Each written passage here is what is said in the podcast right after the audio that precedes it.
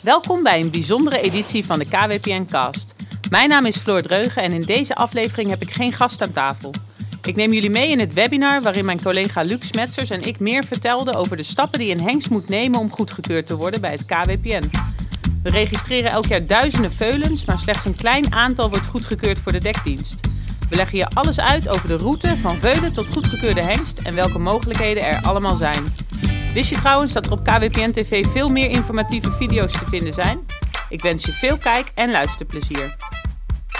We zitten hier in de Willem-Alexanderhal op het KPN-centrum, waar over exact twee weken de eerste bezichtiging van start gaat voor de dressuur, de spring en de Gelderse hengsten.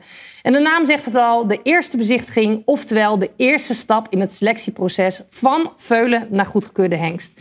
Nou, er zijn nog tal van vragen binnengekomen. En mijn collega's van de afdeling inspectie, Luc Smetsers en uh, Floor Dreugen, gaan daar vanavond antwoord op geven. Maar heeft u nog een vraag, dan kunt u hem alsnog appen naar een telefoonnummer dat als het goed is in beeld komt. Maar anders lees ik hem ook nog even voor u op. U kunt appen naar 06 21 46 0045. We hebben straks een korte pauze en na de pauze dan uh, zullen we die vragen uh, aan bij de tafelgasten voorleggen. En dan komen zij vast met een inspirerend antwoord.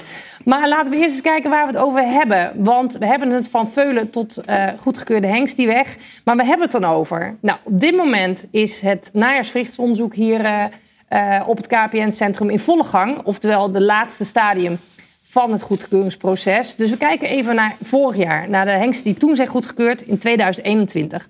Die zijn, als ze dit traject doorlopen, in 2018 geboren. En dan moet ik wel even mijn spiekbriefje erbij pakken.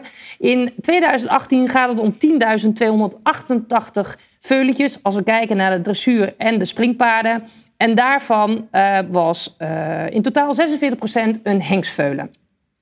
Nou, als we dan kijken naar dat percentage, dat gaat om 47, 47 uh, hengstveulens.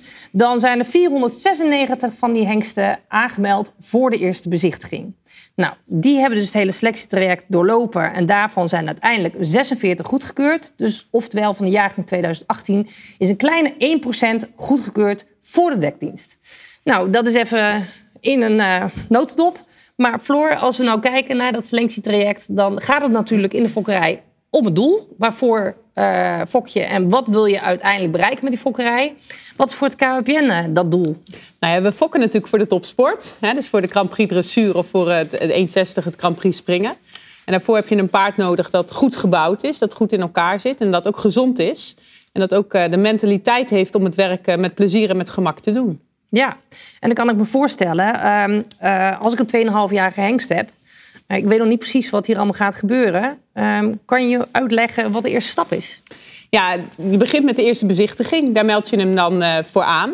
Dus je kan hem inschrijven via mijn KWPN.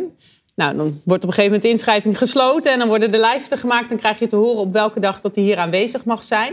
Dan kom je hier aan, dan kan de hengst eventueel in een box geplaatst worden. Um, dan komen de hengsten eerst hier op het straatje. Eigenlijk de plek waar we nu zitten, wordt het straatje dan neergelegd. En de hengstenkeuringscommissie die neemt daar plaats.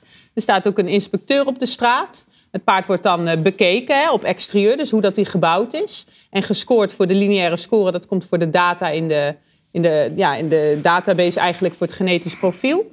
Als de hengst op het straatje op exterieur is bekeken, gaat hij een keer heen en weer in stap en een keer in draf. Dat is om de correctheid heel goed te kunnen zien. Dus het gaat niet over hoe goed dat hij dan beweegt, maar puur over hoe correct dat hij is. En dan gaat de hengst naar achter, naar het stallengebouw. Daar wordt hij gemeten, dus de stokmaat wordt genomen. Het signalement wordt gecontroleerd en eventueel aangepast op papier. En er worden haren getrokken en die worden eventueel gebruikt voor later uh, voor DOC-onderzoek of voor controle op, uh, op vader of moeder. En uh, nou heb je het over linea scoren. Dat is echt een vakterm voor. Uh, wij, wij, begrijpen wat je ermee bedoelt. Ja. Maar voor de mensen die die term nog niet kennen, kun je uitleggen wat het inhoudt? Ja, we hebben een heel aantal onderdelen waar we dan uh, naar kijken. En eigenlijk maken we een soort van schets, een soort van blauwdruk van een paard.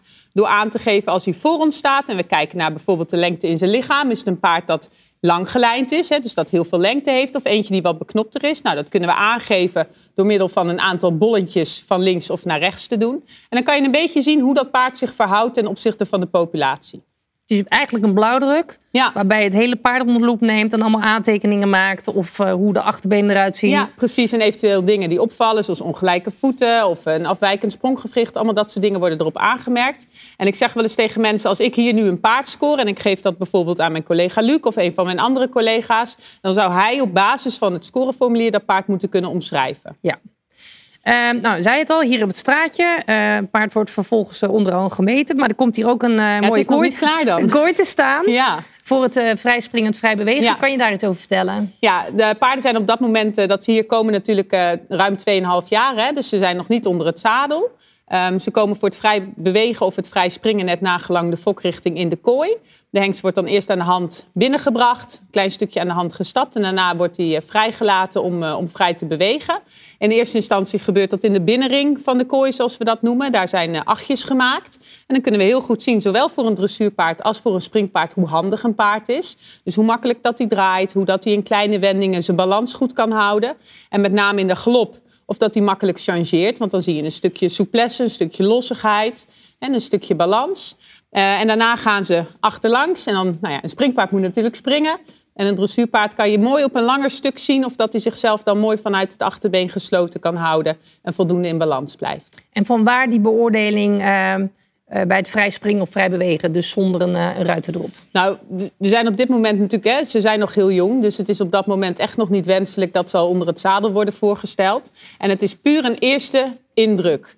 Zo'n eerste bezichtiging is echt een eerste stapje. Het kaf van het koren scheiden, om het zo maar te zeggen. En de paarden eruit te halen die uh, nou, interessant genoeg zijn op zowel exterieur als beweging om weer een stap verder mee te gaan. Um, Luc, aan jou de vraag. Want we hebben het hier eigenlijk over dressuurspringen Gelderse paarden. Want die komen hier straks voor een eerste bezichtiging. Um, gaan die ook de kooien? Hoe zit het met de tuigpaarden? Er zit wel een klein verschilletje tussen de tuigpaarden en de fokrichtingen die Floor net benoemd. De tuigpaarden hebben namelijk een eigen eerste bezichtiging. Die vindt plaats in januari. Het verschil daarbij zit hem in dat de tuigpaarden niet vrij bewegen, maar die worden aan de hand getoond. Dus dat is wel echt een verschil ten opzichte van de dressuur, de Gelderse en de springpaarden. Um, dus dat is uh, iets wat, wat echt apart plaatsvindt. Uiteraard komen ze in Den Bosch weer samen. Dan komen alle fokrichtingen samen. En dan vinden ook de tuigpaarden daar uh, uh, een tweede bezichtiging vindt daar plaats. Nou, Floor, jij zei het al, dat, dat exterieur, dat paardenlichaam, dat wordt heel nauwkeurig bekeken. Waarom is dat zo belangrijk? Nou ja, een, een gezond en een goed gebouwd lichaam is voor een sportpaard wel van heel groot belang. Op het moment dat hij uh, goed in balans gebouwd is en een, en een mooie verbinding in zijn lichaam heeft, hè, tussen zijn achterhand en zijn voorhand, een goede ruglendende partij, dan is hij ook in staat om makkelijke aansluiting te maken in zijn lichaam. Je kan je voorstellen als hij, als hij een achterbeen heeft dat van nature heel erg buiten de massa staat, dat het voor zo'n paard veel moeilijker is om het achterbeen goed onder te brengen. Dus alles wat hij in zijn bouw van nature heeft, dat helpt hem alleen maar om zijn werk makkelijker te doen. Nou, hetzelfde is natuurlijk met wat afwijkende dingen. En je kan je voorstellen als een paard bijvoorbeeld ongelijke voeten heeft. Ik geef wel eens het voorbeeld, ga een middagje shoppen, doe een sneaker aan en een hak. En kijk hoe je het aan, aan het einde van de dag, hoe je je voelt. Niet lekker. Nee, nee. Ik, ik, heb het zelf nooit geprobeerd, maar ik kan me er iets een voorstelling van maken. Maar dat is natuurlijk ook met zo'n sportpaard. Als hij 24 uur per dag met een hoge en een lage voet moet staan... dan gaat er op een gegeven moment slijtage ontstaan. Nou, dat soort dingen wil je voor de fokkerij voorkomen. Dus we proberen dat soort dingen zoveel mogelijk uit te selecteren... om met een zo goed en correct uh, mogelijk gebouwd paard aan de slag te gaan. Want hoe beter ze hun werk kunnen uitvoeren... hoe makkelijker, hoe meer plezier ze ook hebben. En uiteindelijk is het natuurlijk uh, ontzettend belangrijk... dat het paard met veel plezier zijn werk doet... en dat we het nou, op een hele mooie manier met elkaar kunnen doen, de sport. Dus eigenlijk selecteer je zo streng op het lichaam... omdat je eigenlijk een lichaam wil... wat dat wat jij als ruiter van hem vraagt... makkelijk kan. Ja, het zijn atleten. Ja. Dus het moet een lichaam zijn die ook echt in staat is om dat te doen. Ja. ja. Met een Eskimo-polstok hoog springen wordt een beetje lastig, zeg maar. Nee, ja, nee dat is, ik zou met een pandabeer ook niet proberen nee, om, uh, nee, zou ik ook niet om dat te doen. Nee, nee. nee. Um, je zei het straks al, ze worden gemeten. Is de stokmaat van belang? Ja, om door te gaan naar een tweede bezichtiging moet een hengst minimaal 1,60 zijn. Um, het is ook echt niet zo. We krijgen met regelmaat de vraag dat mensen zeggen: Goh, ik heb hem thuis gemeten, hij is 1,62, heeft het wel nut? Ja, want we realiseren ons goed dat zo'n paard nog jong is. Hè, dat, dat hij tot zijn achtste, zevende, achtste jaar nog aan het groeien is. Maar het moet wel zo zijn dat zo'n paard in beweging zich groot maakt. Dat hij ruimte heeft in beweging, dat er rek in een paard zit. Maar de minimale stokmaat is inderdaad 1,60 meter. En nou eh, ben ik eigenaar eh, van zo'n hengst. Ik eh, sta hier straks. Hoe weet ik of ik door ben naar de volgende ronde? Ja, dat wordt je uiteindelijk verteld. dat is eerst eventjes duimen draaien. Maar als eh, de hengsten worden in groepjes ingedeeld. Ja. Meestal tussen de zeven en de negen hengsten in een groepje. Dus die komen om de beurt in de kooi. Daarna komen ze allemaal terug voor het rondstappen, zoals we dat noemen. Dus dan lopen ze op catalogus volgorde achter elkaar aan. Dan kijkt de commissie ze nog een keertje over. Ehm, je kan je voorstellen als de hengst vaak voor, nou ja, een van de eerste keren op vreemd terrein is dat hij een beetje gespannen is. En de stap is iets wat heel erg onderhevig is aan spanning. Dus we proberen nou, elk moment dat we hebben gebruik te maken om de stap nog een keer goed te kijken. Om Ja. echt te kijken hoe een paard kan stappen. Nou, met het rondstappen dus nog een keer. De commissie neemt daar soms ook echt wel eventjes de tijd voor. En daarna vindt de uitslag plaats. Dus de voorzitter, in dit geval bij de dressuur is dat Bert Rutte... en bij het springen Cor Loeven, die neemt dan de microfoon. De hengsten worden één voor één opgesteld. De hengsten die niet worden doorverwezen naar de tweede bezichtiging... die krijgen een korte uitleg... waarin wordt aangegeven waarom de commissie het besluit heeft genomen. En de hengsten die eh, worden doorverwezen... die krijgen eventueel in een later stadium hun uitleg. Dus als ik eigenaar ben en eh Cor of Bert pakt de microfoon en begint een verhaal... is Als geen het verhaal begint, is hij niet door naar de tweede bezichtiging. Nee, heel soms vergissen ze zich. En dat is altijd wel een beetje een lachwekkend momentje. Want dan zie je die voorbrenger of die eigenaar echt zo doen. En dan, oh sorry, nee, doorverwezen. Doorverwezen Ja. naar de volgende ronde. Ja, nee, als het verhaal komt, dan eh, is het einde verhaal, om het zo te zeggen. Ja. Ja. Nou, ik ben een hele gelukkige eigenaar straks. Want eh, mijn hengst mag door naar de tweede bezichtiging. Eh Luc zei het straks al, in Den Bosch, daar komen alle fokrichtingen samen. De tweede bezichtiging voor al die fokrichtingen is tijdens de hengstkeuring. 1 tot 4 februari in Den Bosch. ja. Ehm, wat eh, staat mij in de tussenliggende periode te wachten? Nou, voordat de paarden naar Den Bosch komen, moeten ze aan een aantal veterinaire onderzoeken hebben voldaan. Ze hoeven die niet, niet goed te hebben om de tweede bezichtiging te mogen lopen, maar ze moeten ze wel hebben gedaan. En voor aanwijzing moeten een aantal zaken in orde zijn. Dus voor de tweede bezichtiging moet een DOC-waarde bekend zijn. Dat is... Dat is de genoomwaarde voor eh, osteochondrose. Dus dat is de erfelijke verwantschap of dat hij dat door gaat geven.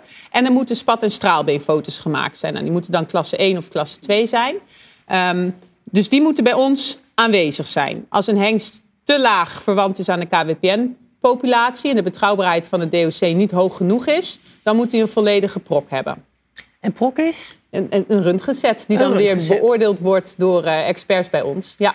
En je noemde het al even osteochondrose. Je zei straks al, gezondheid is heel belangrijk. Eh, we fokken sportpaarden. Als je een sportpaard hebt, wil je graag dat hij tot op latere leeftijd natuurlijk sport... en dat hij niet eh, door blessures uitvalt. Ja.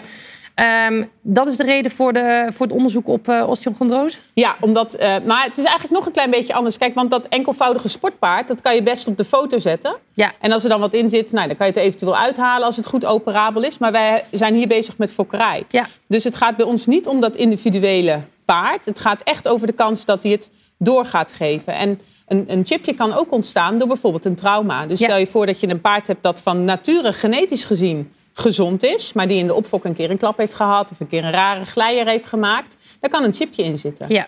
Nou, het zou zonde zijn om zo'n paard uit te sluiten voor de fokkerij, want hij, het is een niet-erfelijke variant. Nou, met die DOC-waarde maken we een inschatting met een hele hoge betrouwbaarheid, hè, hoger dan dat we met röntgenfoto's kunnen doen, over de kans dat hij het doorvererft. Dus dat is voor de fokkerij belangrijker nog dan de foto's zelf. ja, dus als ik goed begrijp, voor een sportpaard wil je foto's... want dan wil je weten, heeft hij iets? Ja, Maar als je het over een hengst hebt, dan gaat het niet of hij zelf iets heeft... maar wat hij vererft en doorgeeft aan zijn kinderen.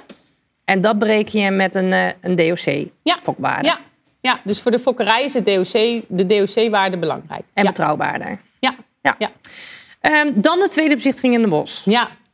Waar kijkt de Den commissie- Bosch, dit jaar, hè, Charlotte? Den Bosch. We hebben, we hebben twee jaar eh, hebben we hier in Ermelo hengstkeuring Ja. eh, eh, gehouden online.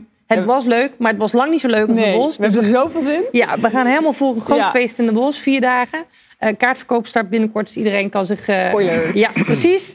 Ehm, maar dan, tweede bezichtiging in de Brabanthallen in Den Bosch. Ja. Die commissie heeft die hengsten hier allemaal al gezien. Ja, En dan komen ze in de bos en dan gaan ze opnieuw de kooi in... en dan gaan ze opnieuw vrij bewegen of vrij springen. Ja. Wat is het verschil?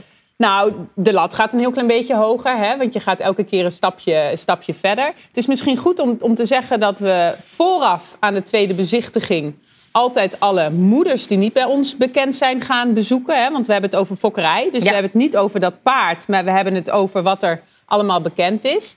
Nou, als het een moeder is die bij ons op de keuring is geweest, dan hebben we een heleboel informatie. Dan kunnen we daar natuurlijk van alles mee. Dan kunnen we dat meenemen in, in de afweging. Maar als de moeder nog nooit bij ons is geweest, dan gaan wij of collega's van ons die bekijken, zodat we die informatie ook hebben. Als een hengst tijdens de eerste bezichtiging 1,64 of kleiner was, dan meten we hem eigenlijk altijd nog weer over. Ja. want er zit, zit een maand, anderhalve maand tussen. Nou, zo jonge, jonge paarden groeien soms best nog wel een beetje. En we willen toch wel dan nou, de goede informatie, de volledige informatie hebben. Dus dan worden een aantal hengsten nog overgemeten. En dan komen ze inderdaad weer in de kooi. En dan gaan we weer kijken. En ehm, sommige hengsten groeien er echt in. Die hebben hele mooie stappen gemaakt. Die hebben meer kracht ontwikkeld. En die, die zijn echt een stukje volwassener geworden, om het Ja. zo te zeggen. En andere hengsten zijn misschien een beetje blijven staan. Of die vallen op dat moment tegen. Ehm, en met het totaalpakket gaat uiteindelijk de commissie een besluit maken. En wat bij de tweede bezichtiging ook nog mee gaat tellen... is het foktechnische gedeelte van de pedigree. Bij de eerste bezichtiging kan het alleen positief meetellen. Dus stel je voor dat er een hengst is die voldoende correct is gebouwd... maar die een beetje tegenvalt in de kooi, maar die is super mooi gefokt. Een Grand Prix moeder, misschien dan wel twee of drie Grand Prix broertjes of zusjes. Dan krijgt hij het voordeel van de twijfel. Ja. Dan zeggen ze, we willen hem toch nog graag een keertje zien in Den Bosch... of dat hij ons iets meer gaat overtuigen. Het is nooit blokkerend op de eerste bezichtiging. Ja. Bij de tweede bezichtiging kan dat wel het geval zijn. Dus dan gaat het echt over het totale pakket. En dan zijn we wel op zoek naar het complete vaderdier. Dus het kan zijn dat als een hengst in de eerste bezichtiging een niet zo mooie, indrukwekkende moederlijn heeft, maar heel goed springt, dat hij daarop doorgaat. Maar als hij dan in de tweede bezichtiging qua springen of lopen toch een beetje tegenvalt, dat je dan zegt, nou ja, met die moederlijn erbij, Ja. dan stopt het hier. Ja, ja. Kijk, en ehm, soms is een moederlijn blokkerend. Dat kan zijn hè, als er bijvoorbeeld geen informatie bekend is over bepaalde afstammingen. Dat je echt zegt van we hebben maar een aantal generaties waarvan we weten wat de afstamming is. Nou, dan kan je echt zeggen hoe goed het paard ook is. Ja. Foktechnisch kunnen we hier niet mee verder. Want voor hetzelfde geld zit Shetland erachter. We hebben geen enkel idee. Nou, dat wil je uiteindelijk natuurlijk niet doen. Maar het kan ook zo zijn dat je inderdaad zegt van het totaalpakket is niet overtuigend genoeg. Ja. De andere kant kan een hengst ook zelf top gebouwd zijn en fantastisch lopen en een iets minder interessante moederlijn hebben. En dan kan hij toch nog goed genoeg zijn om wel mee te nemen. Maar waar kijk je naar als je naar de moederlijn kijkt? Kijk je naar of de moeder zelf heeft gelopen? Kijk je naar of ze goede nakomelingen heeft gebracht? Kijk je naar de oma? Kijk je naar Alles. alles? Alles. Alles. Dat is veel. Ja, alles. Waarbij natuurlijk ehm, hoe dichter het bij is, dus hoe korter de generatie is, hoe belangrijker dat je het inweegt. En waar we tegenwoordig ook wel echt heel erg naar kijken met de nieuwe voortplantingstechnieken, is hoeveel paarden heeft, hè, hoeveel nakomelingen heeft een merrie gegeven en hoe oud zijn die? Ja. Want vroeger was het zo, als een merrie 16 nakomelingen had, ja, dan mocht je al wel een heleboel sport gaan verwachten, want dan was de oudste minimaal 16. Ja. Maar tegenwoordig kan het zo zijn dat de oudste nakomeling misschien die hengst is die je hebt op Ja. dat moment tijdens de keuring. En dat er alsnog 15 anderen zijn, omdat die allemaal met ET of ICSI zijn geboren. En het kan natuurlijk ook voor, ik kan me ook voorstellen dat als je eh, als de eerste eh, driejarige nakomeling is van een merrie, dan heeft ze nog niet zoveel. Nee, eh, nou, dat noemen we dan een wat korter moederlijntje. En daar hou je dan rekening mee. Dus het zijn dingen die wij van tevoren allemaal echt uitzoeken. Ja. En wat wij bij inspectie aan het doen zijn. En dat we opschrijven. En dat we echt met de hengstenkeuringscommissie doorspreken. Dus dat ze zeggen van ja, er zit niet zoveel sport in. Nou, dan trappen we een beetje op de rem. Dan zeggen we, dat kunnen we nu ook nog niet verwachten. Ja. En soms is het zo dat, dat je al wel een heleboel sport kan verwachten. Maar dat het er niet in zit. En waarom is die moederlijn zo belangrijk? Nou, uiteindelijk gaat het over fokkerij en de verwachting, welke genen dat erin zitten en wat er natuurlijk weer doorgegeven wordt. En hoe meer dat er uit zo'n lijn komt, hoe groter natuurlijk de verwachting is dat het paard dat zelf ook heeft en dat hij dat ook door kan geven. Ja, kan me voorstellen. Wat je niet hebt, kan je niet doorgeven, Charlotte. Nee, dat klopt. Dat klopt. Dat klopt. Eh, nou zei je al straks van, eh, als er iets minder bekend is van een merrie, dan doen we onderzoek. Ehm, we hebben natuurlijk best wel wat hengsten van, eh, die in het buitenland gefokt zijn, Ja. bijvoorbeeld Ja. op de keuring. Ehm, hoe doe je dat? Want dat lijkt me wat lastig. Dan kan je niet in je eigen database duiken om, eh, om dingen uit te pluizen. Nee, nou, we hebben heel goed contact met onze collega's bij de buitenlandse stamboeken. Dus eh, die zitten gewoon eh, op de short, shortlist van de telefoon. En dan bellen we even en dan krijgen we indien bij hun bekend daar natuurlijk informatie vandaan. Ehm, en tijdens het verrichtingsonderzoek of vlak voor het ver- verrichtingsonderzoek uit gaan we ook die buitenlandse merries bekijken. Ja. Stel je nou voor dat ze echt aan de andere kant van de wereld staan. Dan hebben we gelukkig nog altijd videomateriaal hè, om, om daar iets mee te kunnen. Maar ehm, ik ben bijvoorbeeld eh, twee weken geleden heb ik een rondje Duitsland gedaan om hengstenmoeders te gaan kijken. Ja. Leuk.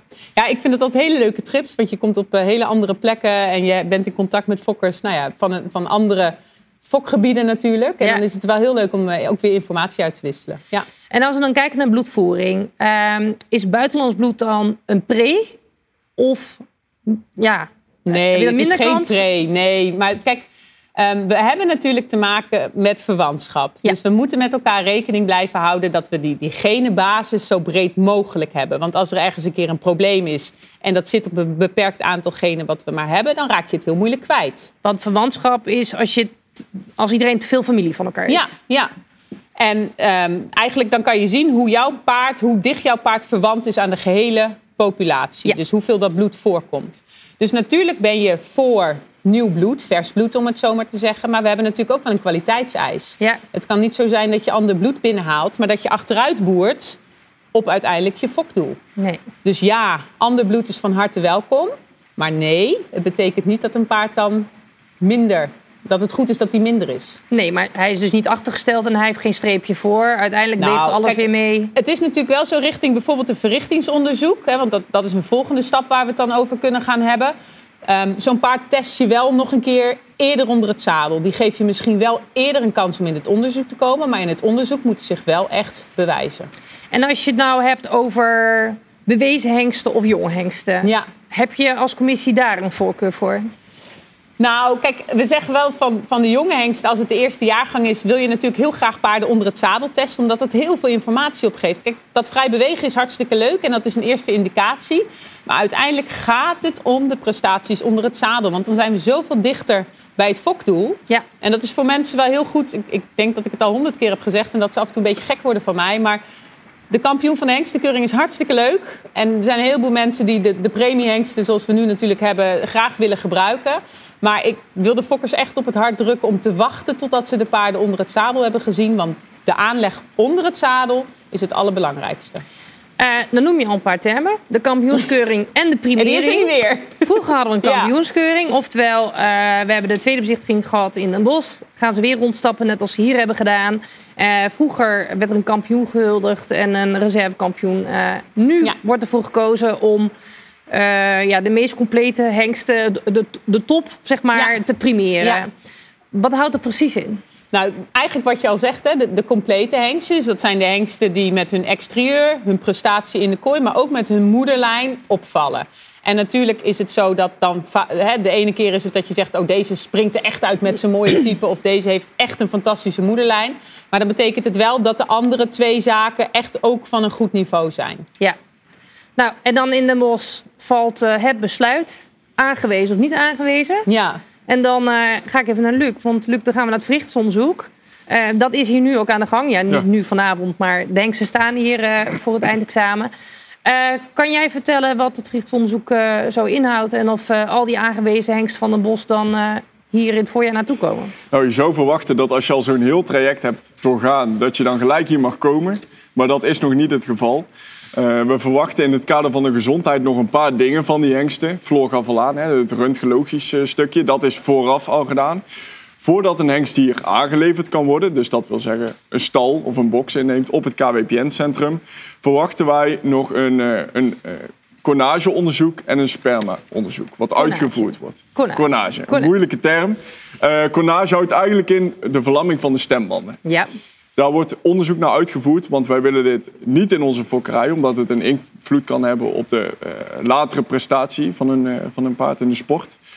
Nu hebben we door strenge selectie dat ook al ja, snel terug kunnen brengen. Dus des te meer belangrijk om daar goed op te handhaven. En een tweede stukje is het spermaonderzoek en ook een onderzoek naar het geslachtsapparaat.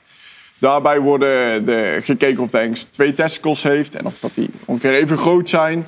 Het stukje spermaonderzoek zit hem eigenlijk in de kwaliteit van het sperma. Dus hoe goed is het? Eh, we verwachten daar een minimale voldoende klasse van. En waarom is dat belangrijk? Nou, we hebben te maken met heel veel merries. Niet iedere merrie wordt even makkelijk drachtig. Dus is het wel fijn voor een eigenaar om te weten wat eh, de klasse van het sperma van de hengst is, zodat hier rekening mee gehouden kan worden in de hengstenkeuze. Ja. Ehm, nou is karakter en rijbaarheid natuurlijk ook, is al eerder genoemd, eh, enorm van belang voor een goed sportpaard. Dus, eh, en alles is erfelijk, dus ook dat karakter. Uh, wordt daar ook op getest tijdens het vruchtonderzoek? Ja, ja, zeker. De hengsten komen hier ofwel drie weken in het najaar, ofwel vijf weken in het voorjaar voor drie jaar hengsten op stal. Daar worden ze gereden door onze eigen ruiters. Dus dat zijn niet de ruiters die normaal met de hengsten rijden, maar echt de ruiters hier van, van het KWPN. En die testen die hengsten eigenlijk onder het zadel. Het is een aanlegtest. Nou, wat houdt dat in? Dat naar de basiskwaliteiten gekeken wordt. Dus hè, de stap, uh, de draf, de galop, maar ook een stukje souplesse, houdingbalans. En een heel belangrijk onderdeel is ook de rijdbaarheid en de bewerkbaarheid van ja. het paard die ruiters die, uh, ja, die zijn ermee aan het trainen. Ze, ze maken uh, verschillende dingen mee. Ze, ze testen die paarden echt. Uh, dus kunnen daar ook veel informatie over geven. Ik denk dat er de afgelopen jaren ook goed is ge, geselecteerd op, op de, het karakter en de instelling van de, hengsten, van de hengsten. En dat is ook nog steeds heel belangrijk om dat te blijven doen. Omdat we uiteindelijk allemaal voor een heel gebruiksvriendelijk sportpaard willen, willen zorgen.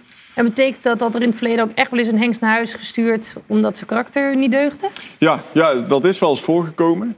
Uh, als een hengst bepaalde uh, vertoont hè, of een bepaalde instelling heeft die we echt niet terug willen zien in onze fokkerij, dan kan de hengstenkeuringscommissie besluiten om de hengst, uh, of het onderzoek voor die hengst te beëindigen.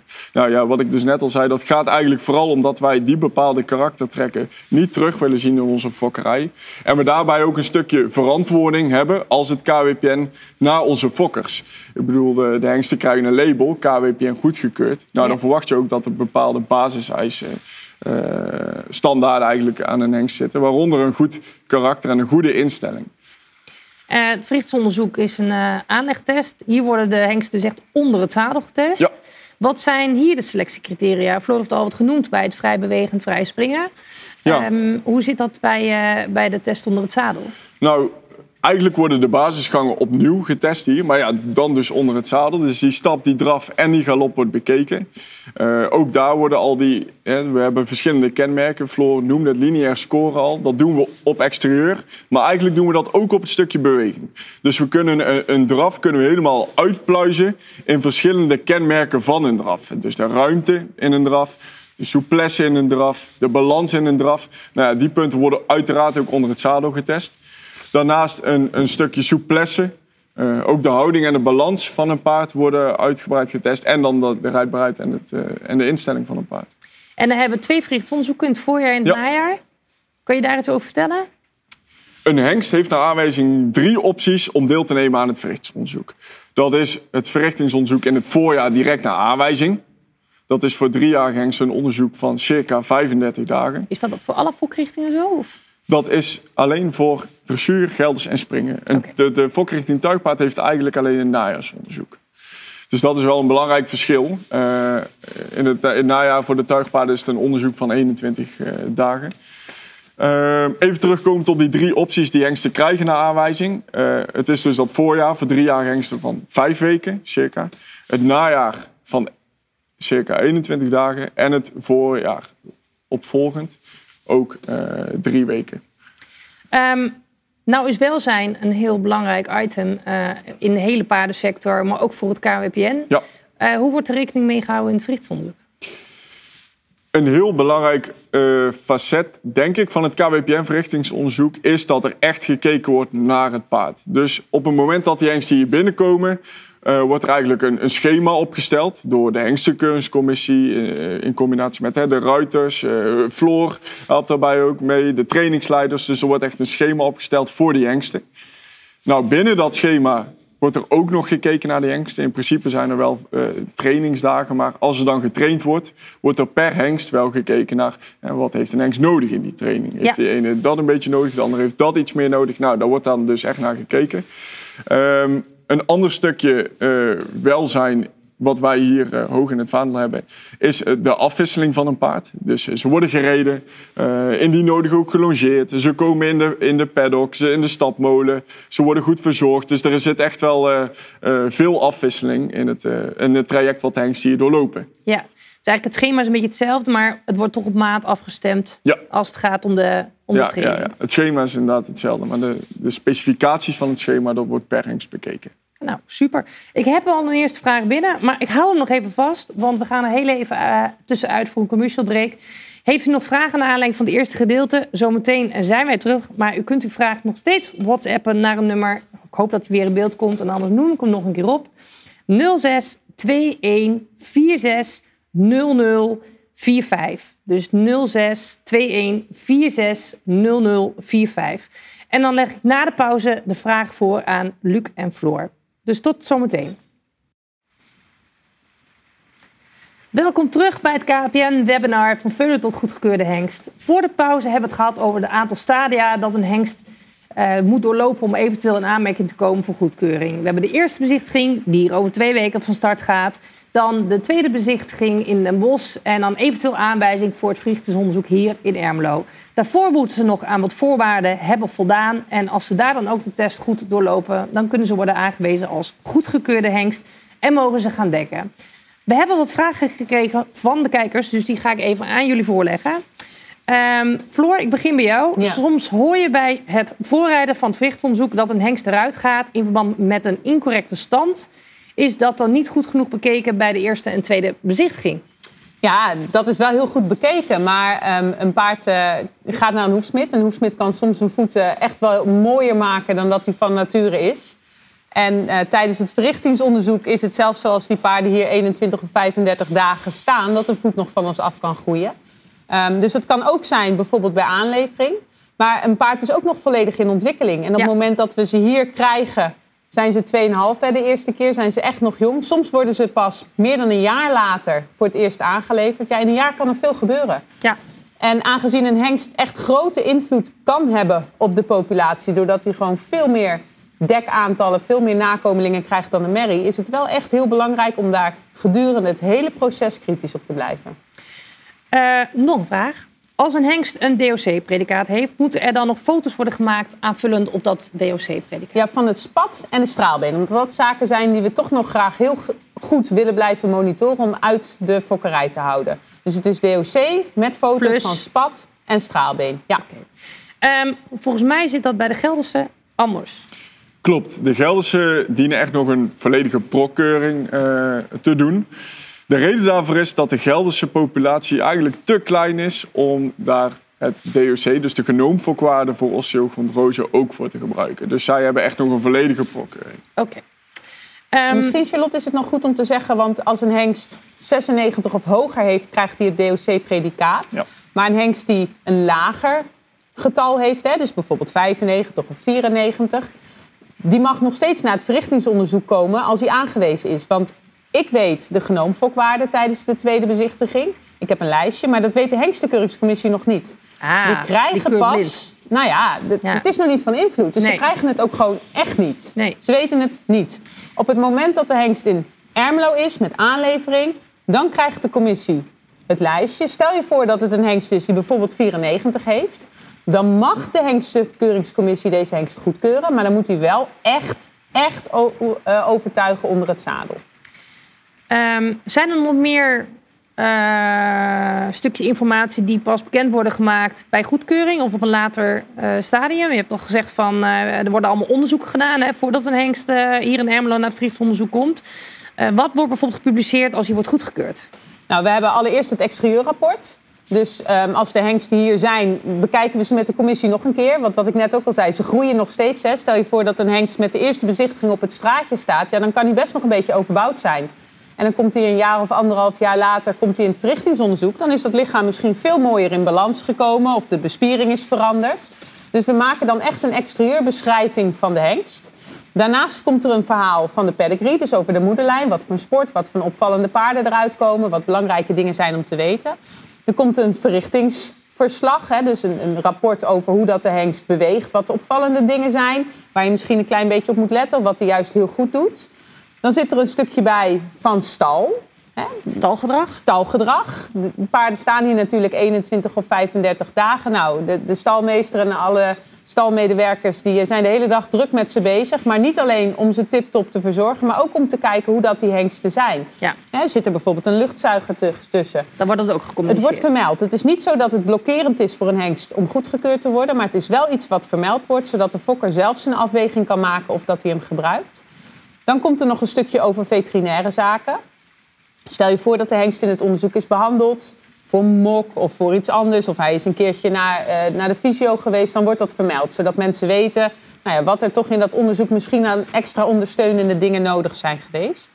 Eh, en daarnaast zit er nog een stukje bij en dat gaat over een aanparingsadvies. Dus dan hè, maakt de hengstenkeuringscommissie een inschatting. Wat voor merries passen er bij deze hengst en wat gaat deze hengst nou echt bijdragen aan de populatie? En het moederrapport komt erbij. Dus het verslag van de moederen, de exterieurrapportage en een kort stukje over haar bewegen.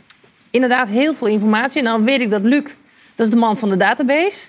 Dus Luc, jij mag even vertellen wat de database, ja. Ja, sorry, wat de database precies eh, inhoudt en wie hem kan bekijken en wat je daar kunt vinden. Nou, iedereen kan hem bekijken en dat is denk ik ook gelijk een supermooi iets van onze database. Dus het is voor leden, niet-leden, iedereen heeft alle informatie toegankelijk. Wat ook heel goed is, want hè, iedereen moet overal alle informatie kunnen gebruiken voor het maken van bijvoorbeeld een hengstenkeuze. Floor geeft al aan, het verrichtingsrapportage, heel uitgebreid over allerlei onderdelen van de hengst, het exterieur en de verrichting hier. Daarnaast vind je nog ehm, een, een stukje genetisch profiel terug in de, in de database. Die is gevuld met fokwaarden en dat kan gebruikt worden voor ook het maken van een juiste aanparingskeuze. Eigenlijk als, als je als merrie een hengst wil uitzoeken die bij je merrie past, want dat is wel handig hè? Ja, ja, ja, dat is heel belangrijk. is dat je de volgende generatie beter wil hebben. Dus een merrie met een mindere stap moet je in ieder geval al zorgen dat die hengst eh, een hele goede stap Ja. heeft. Dat soort zaken kan je in die database allemaal opzoeken. Kun je ook terugvinden in de database. Ook de cijfers. eh, het is best wel compleet WFFS-uitslag. Alles van de hengsten staat in de, in de database. BFFS, nieuw onderwerp. Floor, Ja, een paar jaar geleden een hot item. ja. Speelt het nog? Wat is het precies? Nou, natuurlijk speelt het nog. Alleen het geluk is natuurlijk dat we het kunnen testen. Ja, Hè, het, het vindt plaats op een enkel gen, dus het is heel goed eh, te testen. Ehm, dat betekent dat als een paard beide genen heeft, dat hij nou ja, heeft, om het zo maar te zeggen. En dan is hij uiteindelijk niet levensvatbaar. Heeft hij één gen, dan is hij drager. Dan is er in principe met dat paard niks mis. Het enige is dat je er risico, eh, rekening mee moet houden dat je niet het risico wil lopen dat je twee dragers bij elkaar brengt, omdat je dan 25% kans hebt op een veulentje dat echt WFFS heeft. ja. En die dus echt eh, niet levensvatbaar is. Ja, die niet levensvatbaar is. En dat is natuurlijk, daar fok je niet voor. Hè? Je Nee. fokt niet voor een veulentje dat direct na de geboorte of al in een eerder stadium doodgaat. Ja, En het is heel simpel. Ik geloof dat de test eh, drie of vier tientjes kost. Eh, op het moment dat de haar wordt afgenomen, dan is het binnen enkele weken is het bekend. Van al onze hengsten is het bekend of ze wel of geen drager zijn. Dus dan is een, een merriehouder is echt in staat om een goede keuze te maken. En de hengsten die wel drager zijn, zijn alsnog hartstikke fijne hengsten die hele goede dingen kunnen toevoegen. Alleen zorgen dat je de juiste keuze maakt en dat je een merrie gebruikt die geen draagster is. ja, eigenlijk heel helder. Ja. Eh, de database is dus een bron van heel veel informatie. Maar Luc, eh, kan dat ooit zeg maar, eh, het gewoon kijken naar een hengst vervangen? Want uiteindelijk hebben we hier natuurlijk heel veel dagen. Wat ik zeg, er is nu verrichtsonderzoek. Ja. We hebben een eindexamen, we hebben de eerste bezichtiging. We hopen dat dan hier de tribune natuurlijk helemaal vol zit. Maar wat zou je eigenlijk eh, mensen aanraden? Nou, ik vind dat iedereen moet blijven kijken met zijn of haar eigen oog. Dat is het allerbelangrijkste en dat zal ook altijd belangrijk blijven. Eh, we hebben hier ook heel veel opties. Hè. We hebben een verrichtingsonderzoek en eigenlijk is het gewoon mogelijk om gewoon die trainingen, de beoordelingen, kom kijken. Ik, ik, ik raad het ook iedereen aan. We hadden een warm welkom hier afgelopen maandag ook daar gezegd. Kom kijken. Eh, ja, de hengsten, je ziet ze zelf. Je, kunt, je weet zelf uiteraard de slechtere en de betere punten van jouw merrie. Nou, je hebt ze hier een levende lijve voor je, in de baan. Je kunt op dat moment kijken. Eh, dit jaar hebben we bij de dressuurhengsten drie zalenpresentaties gehad. Bij de springhengsten twee. Ook dan kun je komen kijken. Eh, er zit een, eh, een, een x-aantal eh, weken tussen. Dus je kunt ook vorderingen van hengsten zien. Bij de dressuur is het ook zo dat de laatste zadelpresentatie voor aanlevering ook een selectiemoment is. Dus die hengsten komen nogmaals op de straat. Ik, ik zou gewoon altijd zelf als fokker ja, kom blijven kijken. Ja, En het geeft een heleboel informatie, maar het is ook gewoon een ontzettend mooi moment om als fokkers samen te zijn en te sparren. En natuurlijk, als je altijd zelf bezig bent, is het wel goed om af en toe een keer lekker te spiegelen en te sparren en te discussiëren op de tribune. daar leer je Ja. uiteindelijk heel veel van. En het is super gezellig. En het is Ja. super ja, gezellig. het is een leuke hobby dan, hè? Zeker, zeker. Nou, en wat ook heel gezellig is, ja, Luc noemde het al, dus ik moet hem even noemen. Het warme welkom. Eh, voor leden, voor KPN-leden. Het KPN-lidmaatschap heeft natuurlijk veel voordelen, lidmaatschapsvoordelen, eh, maar ook het warme welkom. Kun je heel kort uitleggen wat een warme welkom is voor eh, degenen die nog eh, nooit daar eh, naartoe zijn geweest? Een warm welkom is eigenlijk uh, een, één ochtend, maar je maakt een soort van het halve KWPN mee. Uh, je dat is heel wat. Uh, ja.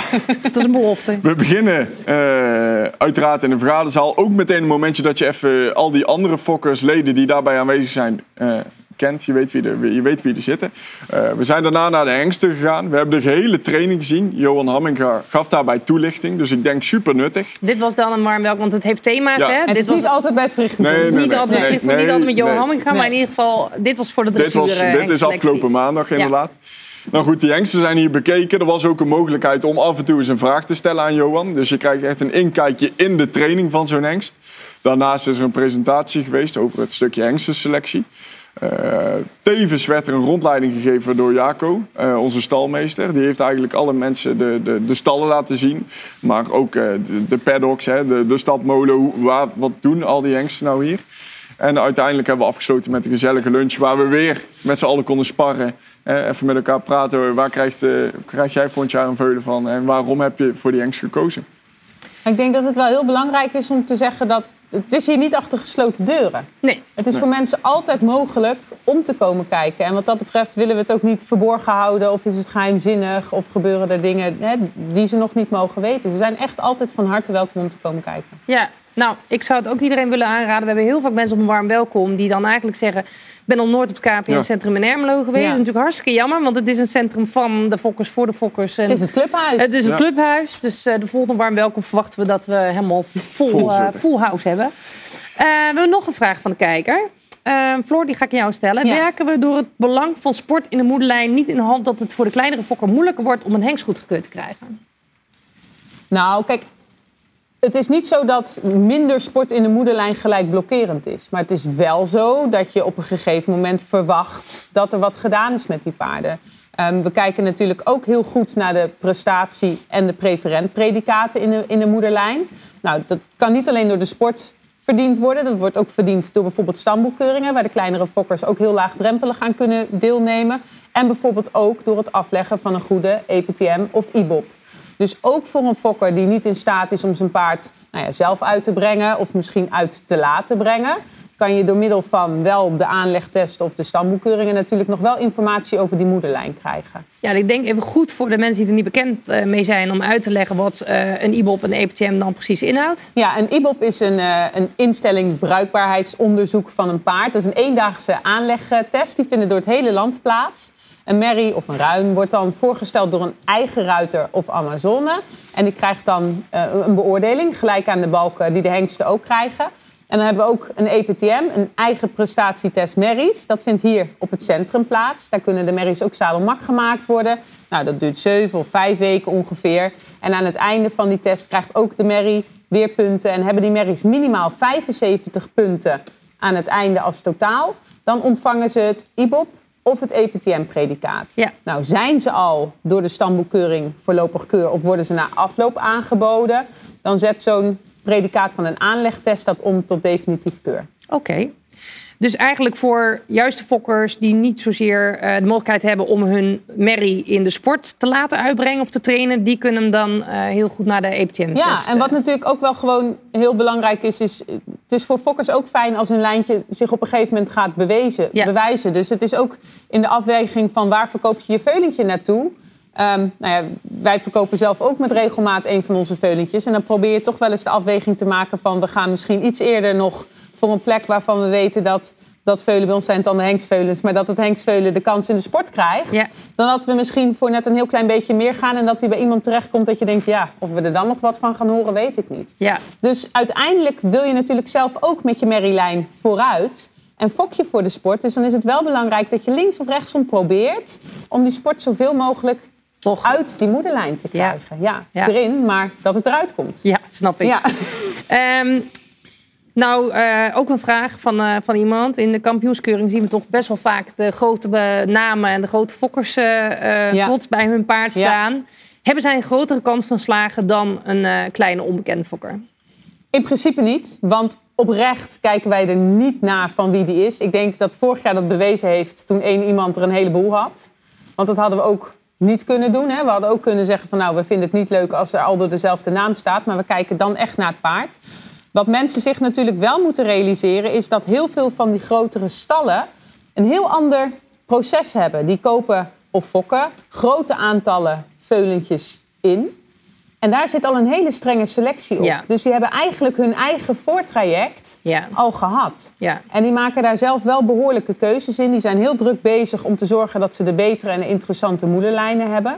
Dus wat dat betreft zorgen ze er zelf voor Ja. dat ze dan uit die hele selectie ook wel met goede paarden komen. Ja. Dus daardoor lijkt het alsof de kans groter is. Maar er zit bij hun al een heleboel achter van paarden die het niet hebben gehaald. Nou ja, ze hebben misschien een grotere kans omdat ze met tien hengsten naar de eerste bezichtiging komen in plaats van met Ja, één. Of... Ze komen misschien met 10, maar ze zijn misschien wel En met daarvoor 50 200 thuis begonnen. ja, of, net of zeggen, misschien nog 200 wel meer. veuletjes, Ja, ja. Dus als jij met eentje begint, Ja. nou ja, als die ander met 100 begint, dan is jouw kans 1 op 100 en die van hem ook. Alleen de kans dat hij er aan het einde staat, is groter omdat hij met meer begint. ja, Ja. Helder.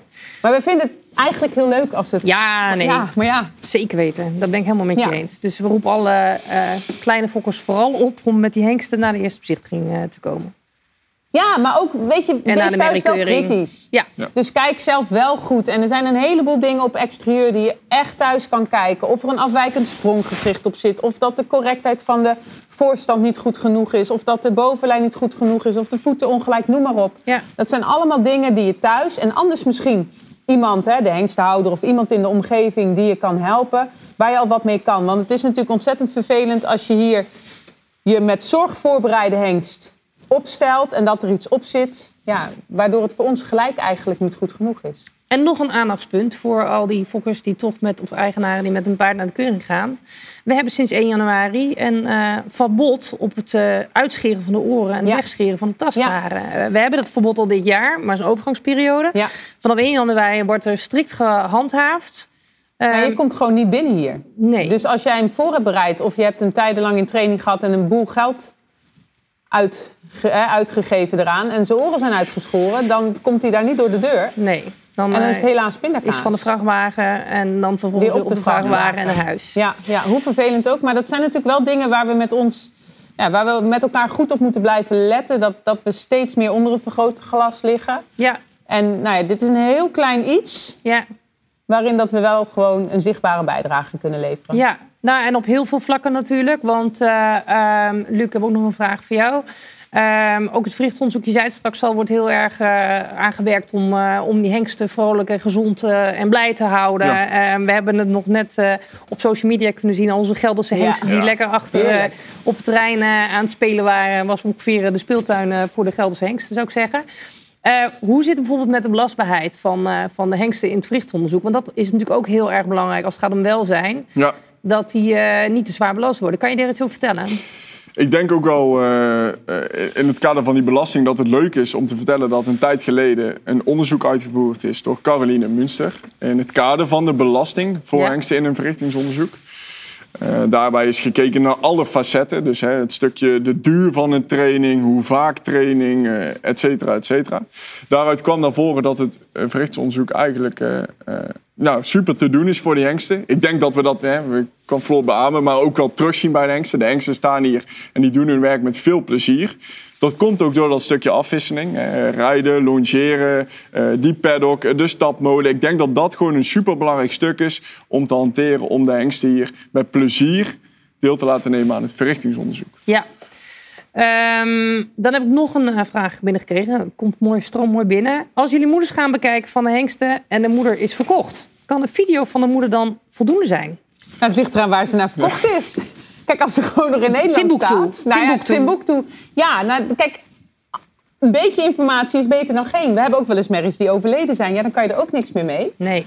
Maar als we op welke manier dan ook iets van informatie kunnen krijgen... ja, dan is het alleen maar fijn. Ja, ja. kan ik me voorstellen. Ja, maar het zijn ook wel eens merries die in de topsport lopen... en die op dat moment inderdaad aan de andere kant van de wereld staan. Nou, dan is Clip My Horse natuurlijk fantastisch. Ja.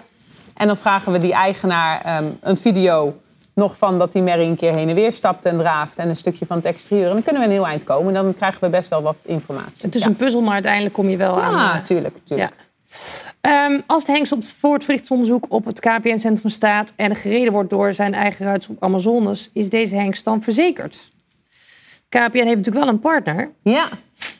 Hippo Horse Insurance. Ja, ja, de hengsten die bij ons op het centrum staan, die zijn, eh, zijn daar verzekerd. Ja. Oh, dat Ja. is super. Dat is een eh, fijn gevoel voor, eh, voor ons en voor de eigenaar. Nou ja, dat soort zaken zijn wel natuurlijk heel belangrijk. En het is ontzettend fijn dat wij een partner hebben die daar zich heel erg in bekwaamd he- heeft. En ik denk dat het voor iedereen belangrijk is om erover na te blijven denken hoe dat je dat geregeld hebt. Dat is een hele goede tip voor thuis. Eh Floor, zijn er ook andere manieren dat een hengst goedgekeurd kan worden? We hebben het nu over de eerste bezichtiging gehad, tweede bezichtiging, verrichtsonderzoek. Maar, Ja, we hebben nog allerlei wegen. vertel. Ja, ehm, nou natuurlijk hebben we nog de zadelpresentatie. Hè, dus op het moment dat een eh, hengst eh, in het najaar, dat die zeg maar drie is. Hè, dus, dus de hengsten die nu net zijn begonnen. Dan hebben we in het najaar de mogelijkheid om een nog niet eerder aangeboden... of een hengst die bijvoorbeeld in een eerste of een tweede bezichtiging eruit is gegaan... om die onder het zadel nogmaals te tonen. Ehm, het vrij bewegen is natuurlijk een indicatie. Soms komt een hengst dan niet uit de verf. Het kan zijn dat hij zijn dag niet heeft. Of het kan zijn dat hij echt onder het zadel zo'n andere indruk achterlaat... dat het een heel ander paard is op dat moment. En het gaat natuurlijk om het stukje onder het zadel. Op het moment dat we die herkansing onder het zadel hebben... dan komen die hengsten ook eerst op de straat. Dat doen we voor bij ons op kantoor. Dus eigenlijk ook een soort van straatje hebben we dan gecreëerd. Dan kijken we naar het exterieur, correctheid, stap en draf. En daarna worden ze hier tegelijk met het voorrijden van de aangewezen hengsten onder het zadel getoond. Nou, dan gaat de commissie ze beoordelen. En op het moment dat ze zeggen deze hengst komt in aanmerking om aangewezen te worden, komen ze terug met rondstappen aan de hand. En dan worden ze aangewezen voor het verrichtingsonderzoek. Moeten ze dus in korte tijd aan de onderzoeken voldoen. Dat is dan wel eventjes zaak voor de eigenaren. En wij rennen er dan heel druk achteraan om te zorgen dat het op tijd binnen is. En dan kan zo'n hengst dus eigenlijk eh, nou ja, binnen anderhalve maand deelnemen aan het verrichtingsonderzoek. En dan is hij van eh, niks tot goedgekeurde hengst binnen twee maanden. Zo. Ja. En dan zijn er ook nog best wel wat hengsten die via de jonge paardencompetities eh, Ja, we hebben instromen. natuurlijk ook de mogelijkheid ehm, via de PAVO Cup. Dus op het moment dat een hengst aangeboden wordt voor de hengstenselectie tijdens de PAVO Cup, dan wordt die ook op de straat bekeken. Dus dat is zeg maar hetzelfde gedeelte natuurlijk als wat we met de eerste bezichtiging hebben. En daarna loopt hij de halve finale en de finale van de PAVO Cup. Dan wordt hij beoordeeld door de hengstenkeuringscommissie. Als een hengst heeft deelgenomen aan de voorselectiewedstrijden... en hij heeft zich op basis van zijn punten geplaatst voor de halve finale... dan zal hij ook door de jury beoordeeld worden. En in het kader van de PAVO Cup daar punten voor krijgen... en eventueel naar de finale kunnen. Als hij dat niet heeft gedaan en er alleen voor de hengstenselectie is... dan worden er ook geen punten bekendgemaakt. Want dan is het echt de hengstenkeuringscommissie die de afweging maakt... Ja. of dat ze het goed genoeg vinden. Indien ze hem interessant vinden, wordt hij daarna uitgenodigd om dus tijdens de finale het nog een keer te laten zien. Dat is eigenlijk zijn tweede bezichtiging. En dan komt hij na afloop aan de hand terug en dan delen ze de uitslag mee. En die hengst wordt dan het aan of het navolgende onderzoek verwacht. We hadden dit jaar Gorgeous Black Art. En de Toto eh, junior zoon uit de Rubik Mary. Die hebben we aangewezen tijdens de PAVO Cup. En die loopt momenteel hier in Ermelo nu zijn onderzoek. Kijk. Ja. En voor de springpaarden geldt een vergelijkbaar Met de blom. Ja, Met de bij de blom gebeurt dat. Daarnaast kan een hengst op vierjarige leeftijd of op oudere leeftijd ook nog aangeboden worden tijdens een eerste bezichtiging. Dan komt hij op de straat. Dus dat gedeelte doet hij mee met zijn jongere leeftijdsgenoten. Dan hoeft hij niet meer vrij te bewegen. Want op latere leeftijd verwachten we dat ze onder het zadel komen. Dan zijn we een stapje dichter bij ons fokdoel. Komt hij wel terug met het rondstappen. Indien de commissie de pedigree en het exterieur goed genoeg vindt om mee verder te gaan, wordt zo'n hengst verwacht tijdens twee hengstencompetities. Ah, Dus tijdens die twee hengstencompetities, eigenlijk hetzelfde verhaal als dan met een PAVO Cup, toont hij zich weer, loopt hij tussen leeftijdsgenoten. Is hij ook goed te vergelijken hè, tussen, tussen de hengsten die al gekeurd zijn, of dat hij daartussen nou, nog steeds opvalt Ja. en of dat hij past. En daarna kan hij ook aangewezen worden voor het verrichtingsonderzoek. dus eigenlijk heel veel mogelijkheden om ook nog op latere Maar we zijn leeftijd... er nog niet. Oh, we zijn er nog niet.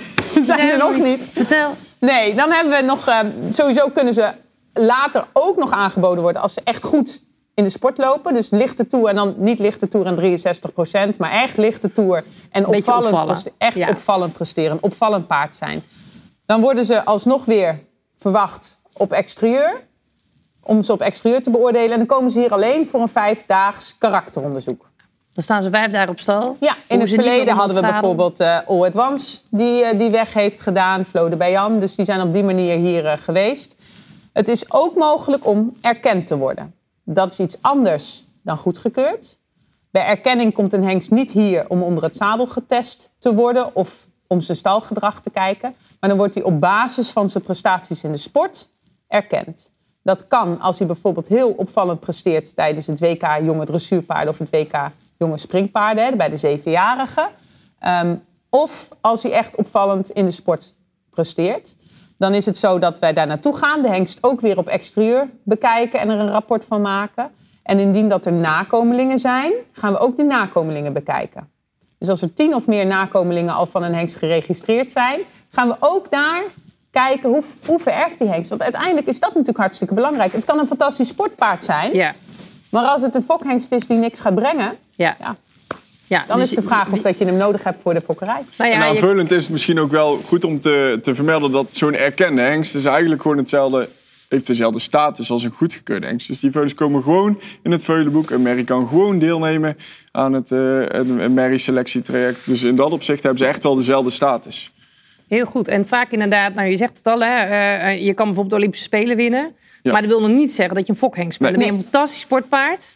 Maar het gaat er natuurlijk uiteindelijk altijd om. Kan hij die kwaliteiten onder ja. Kijk, en als hij nog geen nakomelingen heeft, dan, dan kan je op basis van de moederlijn een inschatting maken. Maar dan is het natuurlijk altijd lastig. Maar als Ja. er nakomelingen zijn, ja, dan is het wel belangrijk om die te gaan kijken. Want dat geeft gewoon heel veel informatie. Ja, dan zijn dus eigenlijk heel veel mogelijkheden op latere leeftijd. Hè? En ook voor bijvoorbeeld die herkansing eh, om, om toch een hengst eh, goedgekeurd te krijgen met KPN.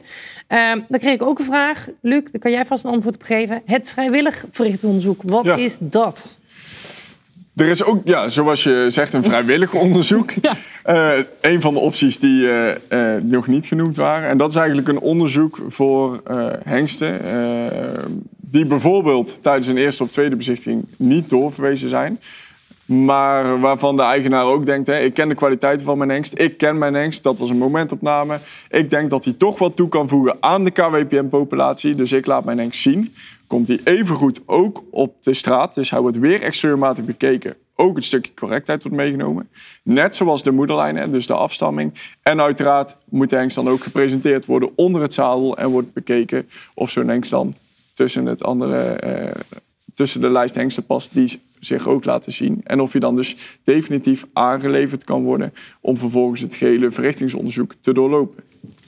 En het kan zo zijn dat de commissie zegt dat hij of qua pedigree of qua exterieur niet in aanmerking komt voor een goedgekeurde hengst. En dan is het niet mogelijk om de hengst vrijwillig te laten staan. Op basis van beweging mag de eigenaar wel besluiten om hem te laten staan. Oké. Ja. Dus weer een mogelijkheid extra om toch uiteindelijk die goedgekeurde hengst... Ja, weet je, die, deur staat eigenlijk altijd, zo, ik zeg altijd, zolang ze niet gecastreerd zijn, staat de deur open en is er een mogelijkheid. Is er een maar dat is natuurlijk wel, ja. Ehm, ik heb nog een vraag eh, die net binnenkwam. Hoe weet ik als beginnende fokker of mijn hengst de moeite waard is om naar de eerste bezichtiging te gaan? Ik denk, ehm, eh, wat Floor net ook al aangaf, dat het heel belangrijk is om te weten wat je zelf op stal hebt staan. Eh, het is natuurlijk heel makkelijk om, om een beetje op een eh, wolk daarin te zitten. Hè? Dat je denkt van, nou, dit is de hengst die ik heb hier. Dit, dit is mijn goedgekeurde hengst. Maar kijk naar jouw hengst ten opzichte van alle hengsten van die jaargang. Hij moet ten opzichte van al zijn collega-hengsten die even oud zijn, echt wel opvallend zijn voor, eh, voor de beweging, maar ook zijn exterieur, om in aanmerking te komen voor die goedkeuring. Er zijn dus verschillende opties. Hè. Spar eens een keer met een ander. eh, Vraag een keuringsklaarmaker om eens langs te komen. Hè. Heeft het zin? Een hengsthouder. Er zijn genoeg opties om wel een reëel beeld... want dat is denk ik het allerbelangrijkste... om een reëel beeld te verkrijgen van jouw eigen hengst. Ja, En wat het natuurlijk heel moeilijk maakt, is we hebben wel te maken met jonge paarden die niet Ja. alleen nog in groei en in ontwikkeling zijn, maar die ook daar in drie minuten of vier minuten in die Ja. kooi dat wel moeten laten zien. En Ja. Ja. soms zit het mee en soms zit het het tegen. is ook een momentopname. Het is echt een momentopname. Ja. Ja. want er wordt wel eens gezegd, ja, ze hebben er ene gemist. Dan denk ik, ja, tuurlijk, er kan wel eens wat gemist worden. Ja. Maar het is ook wel eens zo dat een paard zich op dat moment misschien niet goed pre- presenteert, terwijl die later dat op een hele andere manier wel kan doen. Nou- Kijk, en het zijn ook eh, heel even nog eh, Ja, je terugkomend mag- daarop. Ook altijd, het, het zijn natuurlijk jonge dieren. Dus op het moment dat een paard super fris is of helemaal onder de indruk is, zijn er ook nog wel andere opties. Hè. Of je komt later die dag een keer, een keer terug.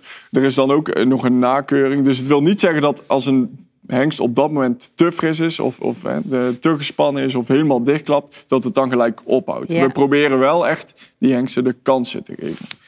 Eh er wordt er ook gevraagd, hè? er wordt gezegd van er is echt wel eens een hengst eh, naar huis gaan op zijn karakter. Eh, dat hebben we nergens gelezen op, op de grote hypische websites in Nederland. Communiceren jullie altijd alles over waarom een hengst wel of niet doorgaat? Nee. wij geven informatie over de hengsten die we goedkeuren. Ja. En op het moment dat een hengst hier weggaat, ik zeg wel eens, als jij je diploma op school haalt, dan kom je op het lijstje dat in de krant staat. Als je gezakt bent, sta je daar niet bij. Ja. Ehm, de reden waarom dat een hengst niet doorgaat, is iets tussen ons en tussen de eigenaar. En het kan prima zijn dat een hengst bijvoorbeeld bij een ander stamboek al wel gekeurd is. Of dat een, een hengst-eigenaar er nog ergens anders mee naartoe wil. Ehm, dus dan is het aan hem om wel of niet dat soort informatie te, te delen. Maar wij publiceren alleen de informatie over hengsten die wij goedgekeurd hebben. Ja. Ja. En ehm, nou zijn er vele eh, manieren dus om je hengst goedgekeurd te krijgen. En dan ben je die gelukkige eigenaar die zijn hengst goedgekeurd eh, heeft eh, gekregen. Kan je dan op de bank zitten en genieten en lekker merries laten dekken? Of zijn er nog meerdere selectiemomenten? Nou ja, tuurlijk kan je lekker op de bank gaan zitten. Maar volgens mij, als, als hij al die merries moet gaan dekken, heb je niet zoveel tijd meer om op de bank te gaan zitten in het seizoen. Nee, maar er zit voor een hengst nog wel een aantal beoordelingsmomenten aan vast. Um, we hebben natuurlijk de afstammelingenkeuring op de veulentjes. Hè. Dus er worden thuis veulentjes bezocht door de inspecteurs. Die worden geprikt. En dan gaan we ze beoordelen weer op zo'n lineair scoreformulier op het bewegen en op het, uh, op het uh, uh, exterieur. En dan kijken we naar eventuele afwe afwijkingen. Met ons doel om te kijken of die hengst waarmaakt wat je hoopt dat hij... Ja, dat. Maar natuurlijk ook om informatie te krijgen. Om dat genetisch profiel waar we het eerder over hadden weer te vullen. Want dat genetisch profiel is op het moment van goedkeuring gevuld met de informatie van de hengst en de informatie uit zijn pedigree. Al die info die in die database ja, te en, vinden en is. hè, dat maakt een inschatting van wat we denken wat hij gaat vererven. Maar op het moment dat hij natuurlijk daadwerkelijk gaat vererven, is die informatie veel belangrijker. Dus hoe sneller dat we weten wat hij doorgeeft aan zijn veulentjes, hoe sneller dat de betrouwbaarheid van zijn genetisch profiel ook omhoog gaat. Ja. Nou, en we blijven eigenlijk die hengsten hè, op vier en op acht jaar geleden nog steeds elke keer weer op nakomelingen kijken. Hoeveel zien we terug op keuringen? Hoe presteren die dan? Uh, hoeveel zien we terug in de sport? En zo probeert de hengstenkeuringscommissie wel echt die hengstenstapel te, te monitoren en daarop te blijven beoordelen. Um, daarnaast verwachten we natuurlijk dat de hengsten zich op een aantal momenten onder het zadel presenteren. De hengstencompetitie. De hengstencompetitie en als vijfjarige bij de Pavel Cup. En dat is natuurlijk um, heel mooi om, om ze te zien, want wat we vanavond al een paar keer eerder zeiden, het zijn jonge paarden en ze zijn volop in ontwikkeling. En een verrichtingsonderzoek is een inschatting Ja. van wat er op dat moment is en wat de verwachting is dat er kan komen. Maar de toekomst vertelt pas welke kant ze echt op gaan. Ja. En daarom is het gewoon heel goed om ze te blijven zien en om dan elke keer te kijken, goh, welke stappen heeft zo'n hengst gezet. En sommige groeien onwijs naar je toe en andere groeien misschien een beetje van je af. Volg jij zelf ook die hengstcompetitie? Ik ben er allemaal. Dat is het geluk als je hobby ook je werk is. Nou ja, en uh, Luc zei straks al, uh, die hoopt dat iedereen hier komt uh, natuurlijk met... ja, tuurlijk. Ik hoop dat de ja. hengstencompetities ook weer super druk bezocht worden. Dat is ook, ook weer zo'n meetmoment hè, voor die hengsten. Ze tonen zich daar, een grote groep bij elkaar. Dus beter vergelijkmateriaal ga jij niet krijgen. Ja, super veel focus bij elkaar, informatie. Kijk, en dat is natuurlijk ook altijd, er is ook altijd heel veel te doen, zowel met de Pavel Cup als met de hengstencompetitie over jurering. Ja. Dat is natuurlijk altijd, hè, heel de dressuur, er is altijd wel wat over jurering Maar blomcup is makkelijker, dus van een balk Een eh. Ja, Ja. precies. Nou, daar moeten we met dressuur denk ik met elkaar ook wat op gaan, eh, gaan vinden. Maar ook daar blijft natuurlijk, hè, die jury ziet die paarden vaak ook voor het eerst. En die hebben daar echt hun mening over. Nou, dat geven ze ook goed weer in cijfers, vind ik. Maar als fokker zijn heb je misschien net een iets ander referentiekader of vind je andere dingen belangrijk. Dus je eigen gevoel bij een hengst en je eigen mening en nou ja, je eigen ogen gebruiken, dat blijft gewoon hartstikke belangrijk. Kijk Ja. dat een hengst misschien niet bovenaan in het klassement eindigt. Omdat het gaat over een totaal aantal punten. Maar wel op bepaalde punten heel hoog scoort. En jij vindt dat zelf als fokker ook. Is dat natuurlijk veel belangrijker dan het volgen van het klassement. Want als ik weet, mijn Mary heeft een hengst nodig met een hele goede gel- galop. Of een draf, eh, net wat je wil. En die eindigt misschien niet helemaal hoog in het klassement. Maar springt iedere punt. keer ja, uit op dat punt. Dan moet je daar als fokker naar kijken. En ja, daarom is het zo belangrijk. De kampioen is niet altijd de hengst die past. Nee. Nee. Blijven ik- kijken naar je eigen Is dat materiaal. niet een van de belangrijkste boodschappen? Het gaat niet om dat je altijd met en, een kampioen en moet gebruik een hengst die onder het zadel is getest. Ik ook een Ja. Een hengst die onder het zadel is getest, maar ook vooral een hengst die past bij jou. Ja, kijk, Ja. Er is niet één compleet. Mary ook niet. Hè. Ik bedoel, ik heb ze op stal staan. Ik ben hartstikke gek en weg van mijn Marys. Maar er is echt nog van alles mis mee. Die hengsten zijn ook niet allemaal 100% compleet. Maar blijf goed kijken naar wat je thuis hebt staan. Wees daar kritisch op. En kijk dan wat erbij past. Ja. En dat wat de buurman doet, of iemand anders, wil niet zeggen dat dat hetzelfde is als wat jij moet doen. ja. Maar zorg wel dat ook als je de- hè, een andere keuze maakt dan bijvoorbeeld een hengst bij ons, dat je zo'n paard hebt gezien, dat je informatie hebt.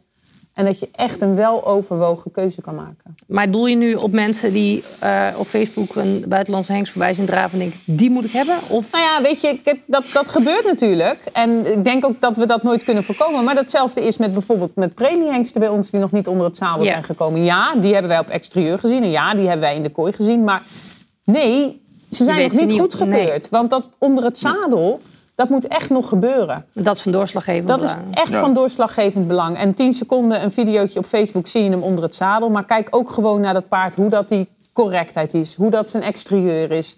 Weet je, er zijn meer dingen dan 10 seconden lang de Ja. benen optillen. En het kan heel goed uitpakken. Het kan absoluut kloppen. Maar ga niet af op geen informatie. Ja. Ga zorgen dat je de goede informatie hebt. En dat is net zoals dat mensen vragen... Ja, moet ik een bewezen hengst of een jonge hengst gebruiken? Nou, we hebben hier een hele lichting, eh, hopelijk eh, zaterdag en Ja. maandag, eh jong hengsten. Ehm, dat wou ik inderdaad vragen. Gaan we die allemaal inzetten? Of ja, wat adviseer jij? Ja, zo- Ook Ja. daar moeten mensen een keuze in maken. Kijk, van een bewezen hengst weet je iets beter wat je kan Ja. verwachten. Want nou ja, het woord bewezen zegt het al. Er is meer bekend over zijn vererving, maar ook over zijn eigen ontwikkeling en Ja. zijn eigen prestaties. Dus dat geeft je misschien een beetje meer zekerheid. Ehm, het is natuurlijk ook zo dat dat nou, ja, de fokkerij van een heel aantal jaar geleden is. Ja, Dus dat veulentje wat je op dat moment fokt, helemaal als je ook een merrie hebt die al wat ouder is, die had bij wijze van spreken ook 10 of 15 jaar geleden geboren kunnen worden.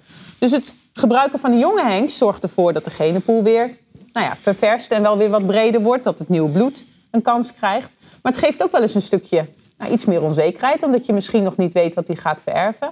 Maar daarom vinden we, nou ja, komen we weer terug op zo'n moederlijn. Op zo'n moederlijn die bewezen heeft dat ze vererft, dat geeft je al wel weer iets meer zekerheid. ja. Wil je daar nog iets aan toevoegen, Luc? Nee, Ik denk, ik, denk, ik denk dat Floor het al, eh, al heel duidelijk eh, verteld heeft. Maar het gaat gewoon altijd ook om het eigen fokdoel. Als ik een paard voor, voor de sport wil fokken, dan kan ik bijvoorbeeld een hele andere ja, Keuze maken. van, eh, van het gebruik van een hengst. En, en ja, heeft een hengst al nakomelingen gebracht die weer in de sport lopen, dat geeft weer meer zekerheid. Wat Floor zegt, een jong hengst gebruiken met een hele bewezen moederlijn is misschien iets meer risico, maar wel weer hè, die bewezen moederlijn erachter. Dus dat geeft alweer meer zekerheid.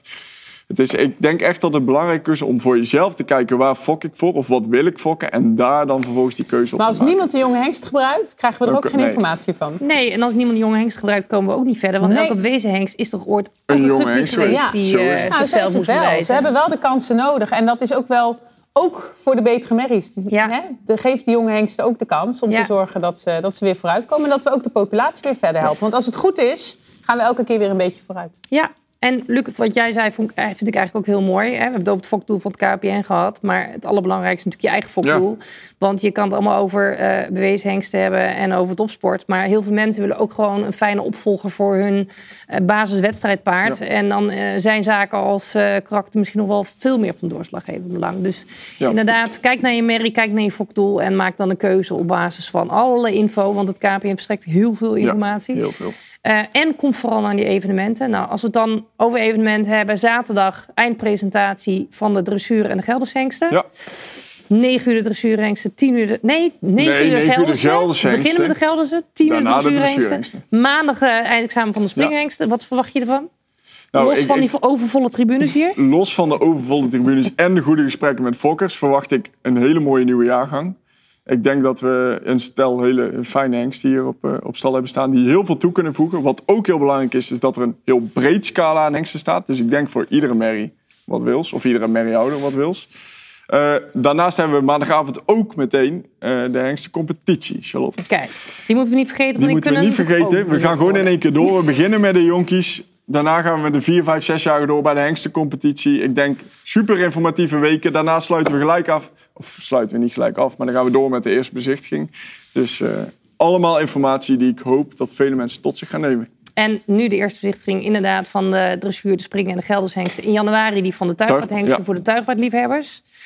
Eh, ik zou zeggen, genoeg eh, te bezoeken. Eh, Nog een werk te doen.